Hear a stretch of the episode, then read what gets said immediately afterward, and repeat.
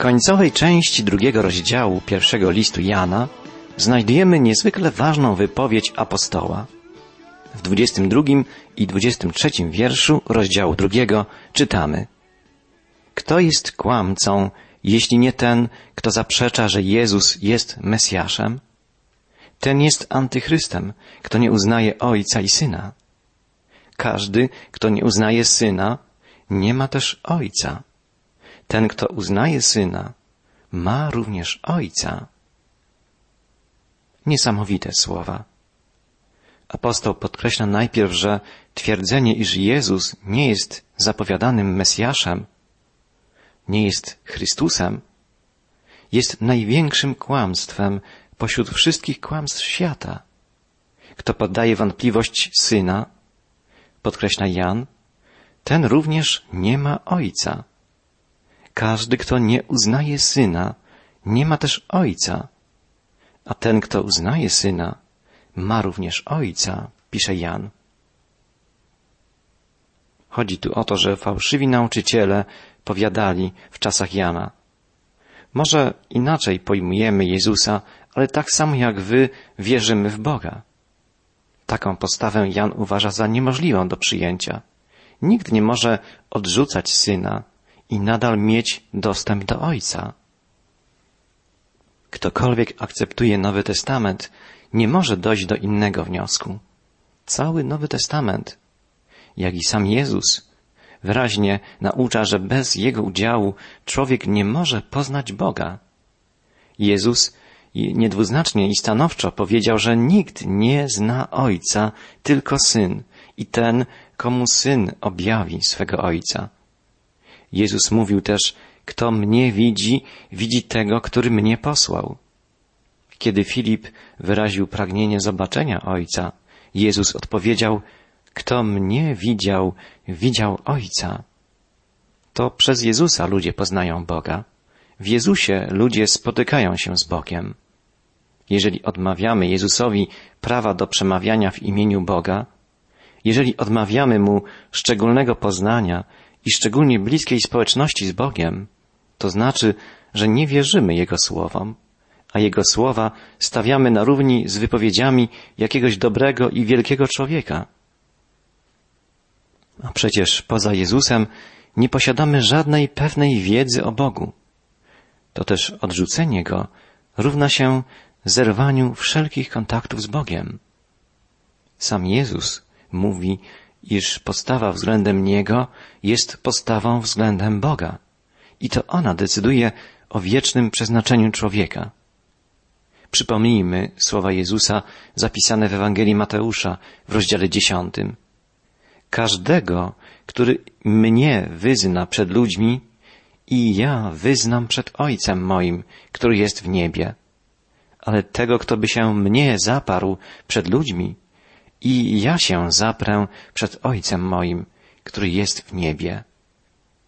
Tak, odwrócenie się od Jezusa jest odwróceniem się od Boga. Od naszego stosunku do Jezusa zależy nasza relacja z Bogiem. Poddawanie wątpliwość postaci Jezusa jako Bożego Syna, jako Mesjasza, Chrystusa, jest największym kłamstwem. Oznacza całkowitą utratę wiary i poznania, jakimi tylko On poprzez Ducha Świętego, Ducha Chrystusowego objawia. W Nowym Testamencie spotykamy się z trzema wyznaniami wiary w Jezusa Chrystusa. Pierwsze z nich moglibyśmy nazwać wyznaniem Go jako Syna Bożego. Następnie mówi się o Nim jako o Panu i w końcu wyznaje się Go jako Mesjasza. Istotą każdego z tych wyznań wiary, zapisanych we wszystkich Ewangeliach, jest stwierdzenie, że Jezus znajduje się w wyjątkowej społeczności z Bogiem, Bogiem Ojcem. Poddanie wątpliwość tej więzi jest jednoznaczne z zaprzeczeniem wszystkiego, co Jezus mówił o Bogu. Wiara chrześcijańska opiera się na uznaniu tej wyjątkowej więzi Jezusa, Syna, z Bogiem Ojcem. Jest więc tak, jak twierdzi Jan. Kto odwraca się od Syna Bożego, ten traci kontakt z Bogiem Ojcem. Dalej w ostatnich wierszach drugiego rozdziału listu Jana znajdujemy taki kolejny apel apostoła. W was niech pozostanie to, co słyszeliście od początku. Jeśli pozostanie was to, co słyszeliście od początku, to i wy pozostaniecie w Synu i w Ojcu. A obietnicą, którą On nam dał, jest życie wieczne. To wszystko napisałem wam o tych, którzy was zwodzą. W was zaś pozostaje namaszczenie, które wzięliście od Niego i nie potrzebujecie, aby ktoś was pouczał. Jego namaszczenie bowiem poucza was o wszystkim. Ono jest prawdziwe i nie jest kłamstwem. Tak jak was nauczył, tak w nim pozostańcie. Jan błaga swoich czytelników, adresatów listu, żeby trwali w tym, co już poznali, ponieważ w ten sposób będą trwać w Chrystusie. Bardzo ciekawe jest wyrażenie o tym, iż otrzymali namaszczenie od świętego i że to namaszczenie poucza ich o wszystkim. Jaką treść zawiera to słowo namaszczenie? Musimy tu zaglądać do Starego Testamentu. Otóż w judaizmie dotyczyło namaszczenie trzech rodzajów ludzi. Namaszczano po pierwsze kapłanów, na przykład w drugiej księdze mojżeszowej czytamy Potem weźmiesz olej namaszczenia, wylejesz na jego kapłana głowę i namaścisz go. Po drugie, namaszczeniu podlegali królowie. Samuel namaścił Saula na króla nad całym Izraelem, a później namaścił też Dawida. Eliasz otrzymuje nakaz namaszczenia Hazaela i Jehu jako królów. Współczesna koronacja odpowiada symbolowi namaszczenia. I po trzecie, również prorocy byli namaszczani. Na przykład Eliasz namaścił Elizeusza jako swego następcę. Pan namaścił proroka Izajasza, aby zaniósł narodom dobrą nowinę. Bardzo ważne jest to, że dawniej namaszczenie było przywilejem wybrańców, kapłanów, proroków, królów, a teraz jest przywilejem każdego chrześcijanina i wyraża niezwykłą, uprzywilejowaną pozycję chrześcijanina, człowieka wierzącego w Jezusie Chrystusie. Arcykapłana nazywano w czasach Starego Przymierza namaszczonym, ale najwyższym namaszczonym pomazańcem był zapowiadany Mesjasz. Mesjasz w języku hebrajskim znaczy właśnie namaszczony, a Chrystus jest greckim odpowiednikiem tego słowa. A więc Chrystus to pomazaniec, namaszczony. Powstaje pytanie, kiedy został on namaszczony? Kościół od początku nauczał, iż Jezus został namaszczony przy chrzcie. Został namaszczony Duchem Świętym. Również greckiemu światu znany był ceremoniał namaszczania. Namaszczenia dokonywano w czasie wtajemniczania religijnego, w czasie którego człowiek miał zdobywać szczególne poznanie Boga. Fakt ten wykorzystywali niektórzy fałszywi nauczyciele, którzy twierdzili, że posiadają szczególne namaszczenie, pozwalające im na zdobywanie szczególnego poznania Boga. Jan natomiast odpowiada, że każdy chrześcijanin posiada prawdziwe namaszczenie, namaszczenie Ducha Świętego, pochodzące od Jezusa, Mesjasza, Chrystusa, Bożego Pomazańca. Apostoł Jan napomina i wzywa to, co słyszeliście od początku, niech pozostanie w was. Tu słowo początek nie oznacza jedynie początku w czasie. Początek stawania się chrześcijaninem, uczniem Chrystusa, jest nie tylko rozpoczęciem się czegoś nowego. Jest to potężne, twórcze wydarzenie, zainspirowane przez Boga, tak samo jak początek stworzenia. Człowiek staje się nowym stworzeniem.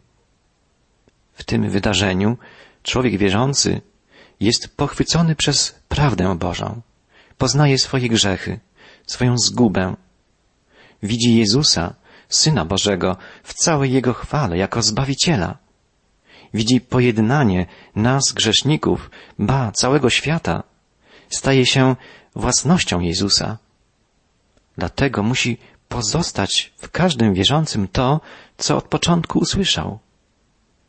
Jan apeluje, jeżeli pozostanie w was to, co od początku słyszeliście, i wy pozostaniecie w Synu i w Ojcu. Zwróćmy uwagę na dosłowne brzmienie tej wypowiedzi apostoła. Jan nie wzywa członków Kościoła do pozostawania przy określonych poglądach, naukach, doktrynach. Nie pisze o jakiejś tradycji, nie upiera się jako stary człowiek, by zatrzymywać Kościół na utartych drogach. Nie. Pozostać ma w nich nowina, którą słyszeli od początku. Dobra nowina o Zbawicielu. Ta dobra nowina jest niezależną, żywą wielkością, posiadającą własną siłę działania. Jest słowem życia. Tylko to słowo może dać nam prawdziwe życie i zgodnie z obietnicą zachować nas w społeczności z Ojcem i Synem. Kościół jako wspólnota wierzących utraci życie, jeżeli Ewangelia, usłyszana od początku, nie pozostanie w nim. Mamy więc dwa kryteria chrześcijańskiej prawdy. Sprawdzian zewnętrzny. Całe nauczanie musi być zgodne z prawdą przekazywaną nam w Piśmie Świętym. I drugi sprawdzian ma charakter wewnętrzny. Całe nauczanie musi być poddane sprawdzianowi Ducha Świętego, który wydaje świadectwo w naszych sercach. Zawsze powinniśmy więc pamiętać i pytać, czy dana nauka jest zgodna z Pismem Świętym. I po drugie, czy Duch Święty potwierdza jej prawdziwość w moim sercu? Jan podkreśla, że fałszywi nauczyciele chcą pozbawić Kościół Jezusa Chrystusa żywotnego fundamentu, nauki apostolskiej. Ostrzega apostoł, to wam napisałem o tych, którzy was zwodzą. Reprezentanci nowych kierunków myślowych próbują pozbawić Kościół tego wszystkiego, co dotychczas posiadał. Dokąd prowadzą Kościół? Jan pisze tylko jedno. Zwodzą was. Ale czy nie jest to gołosłowne twierdzenie? Czy chodzi o to, że Kościół ma po prostu ugiąć się przed słowem starego apostoła? Czy chodzi o to, że ma być posłuszny Janowi? Nie. Jan zupełnie inaczej widzi swoją pozycję w Kościele. Nie musi działać w nim w oparciu o zewnętrzny autorytet. Nie, członkowie wspólnoty Chrystusowej mają prawdziwego nauczyciela, który działa w nich. Mają go w swoich sercach. Bowiem ze słowem, które od początku słyszeli, przyszedł do wspólnoty Kościoła Duch Święty. Słowo i Duch są bezpośrednio ze sobą związane. Tylko poprzez Ducha Świętego sformułowane i poświadczone Słowo przekonuje i doprowadza ludzi do wiary. A z kolei w słuchaniu Słowa, w wierze, zostajemy zapieczętowani Duchem Świętym. Posiadanie Ducha przez Kościół nie było dla apostołów problematyczne, wątpliwe. Nie, nie było sprawą wątpliwą, było czymś pewnym. Nie trzeba o to ciągle na nowo prosić, zabiegać. Nie, Kościół ma namaszczenie Ducha Bożego. Już wcześniej Jan pisał o tym w swoim liście. Musimy też podkreślić, że jego nauczanie jest całkowicie zgodne ze świadectwem innych apostołów, w tym z nauczaniem apostoła narodów, Pawła. Teraz Jan podkreśla, zapewnia wierzących, to namaszczenie, które od Niego otrzymaliście, pozostaje w Was. Namaszczenie Ducha Bożego nie bywa odbierane wspólnocie wierzących. Duch nie znika z Kościoła, aby w odpowiedzi na ponawiane wciąż usilne prośby znowu do Niego powracać. Nie. Raz otrzymane namaszczenie pozostaje w nas jeśli jesteśmy wierzącymi, należącymi do wspólnoty Kościoła Chrystusowego. Dlatego Jan raz jeszcze podkreśla z naciskiem, nie potrzebujecie, aby was ktoś pouczał. Jan zna tajemnicę powiązania ducha z apostolskim słowem. Duch Boży działa i uczy wspólnotę Kościoła. Nie uczy jednak i nie działa niezależnie od apostolskiego poselstwa. Obok niego, czy ponad nim, czy poza nim. Nie, działa w nim i razem z nim. Działa poprzez świadectwo apostołów. Gdy wspólnota wierzących słucha na przykład treści listu apostolskiego, Duch Prawdy daje jej swoje świadectwo i członkowie Kościoła mają radosną pewność, że to jest prawdziwe, że to nie jest kłamstwem. Tu nie chodzi o ludzką szczerość apostoła i o jego subiektywną prawdomówność. Nie, tu chodzi o coś zupełnie obiektywnego. Duch Boży poświadcza obiektywną rzeczywistość, która od początku jasno była przekazywana w apostolskiej nowinie, dobrej nowinie o Chrystusie i przy której Kościół ma trwać. O to właśnie chodzi apostołowi miłości, by ludzie ci opierali się wszelkiemu, najbardziej nawet uduchowionemu kłamstwu, by trzymali się nauczania apostolskiego. To, co słyszeliśmy od początku, tak rozpoczynał się list Jana. Nie pozostaje to, co od początku znamy w nas mechanicznie, samo z siebie, ale tylko wtedy, gdy dopuścimy działanie Bożego Ducha, jeśli sami pozostawać będziemy pod Jego kierownictwem. A więc Słowo apostolskie musi być stale ożywiane w naszych sercach poprzez Ducha Świętego. Musimy pamiętać, zachowywać i wypełniać prawdę Bożego Słowa. I musimy być stale wrażliwi na działanie Ducha Bożego w nas. Zwróćmy na koniec uwagę na dwie bardzo ważne i bardzo praktyczne kwestie wynikające z nauki rozważanego przez nas dzisiaj urywka biblijnego. Jan pisze na koniec, teraz właśnie dzieci, pozostańcie w nim, abyśmy mieli odwagę i nie zostali zawstydzeni przez niego, gdy się objawi w swoim przyjściu. Jeżeli wiecie, że jest sprawiedliwy, wiedzcie też, że każdy, kto czyni to, co sprawiedliwe, pochodzi od Niego. Jan pisze o bardzo ważnych rzeczach. Po pierwsze, zauważmy, że apostoł zachęca swoich czytelników do trwania w Chrystusie. Czyni to jeszcze raz, na koniec całego tego ważnego fragmentu listu. Czyni to po to, aby gdy On powróci w mocy i chwale, ludzie wierzący nie musieli się wstydzić swojej postawy. Najlepszym sposobem przygotowania się na przyjście Chrystusa jest codzienne przebywanie z Nim w ścisłej, osobistej więzi. Jeżeli społeczność ta jest naszym udziałem, to przyjście Chrystusa nie będzie dla nas tragicznym zaskoczeniem, ale po prostu osobistym spotkaniem z tym, w którego tak długo już byliśmy wszczepieni, w którego obecności już przebywaliśmy poprzez Ducha Chrystusowego. Jeżeli nawet mamy wątpliwości czy trudności w pojmowaniu fizycznej strony powtórnego przyjścia Chrystusa, więź z Nim już teraz jest najlepszym sposobem przygotowania się na to wydarzenie. Kiedy Bóg rozkaże, w zamierzonym przez Ojca czasie pożegnamy się z tym światem.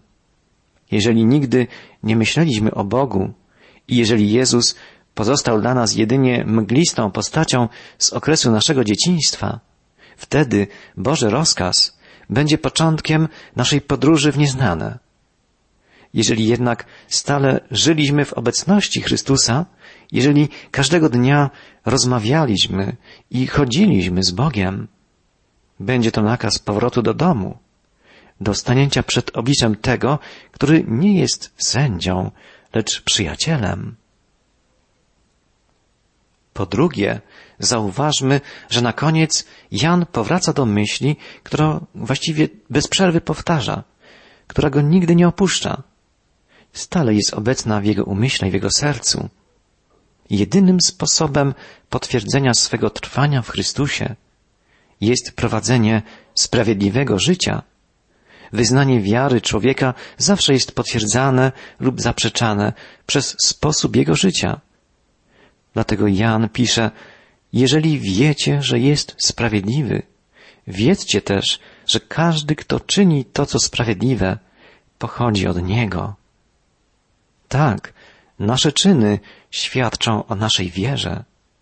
Jakość, integralność naszego życia, a nade wszystko miłość wobec Boga i wobec bliźnich, to jedyne autentyczne potwierdzenie, że trwamy w społeczności z Bogiem.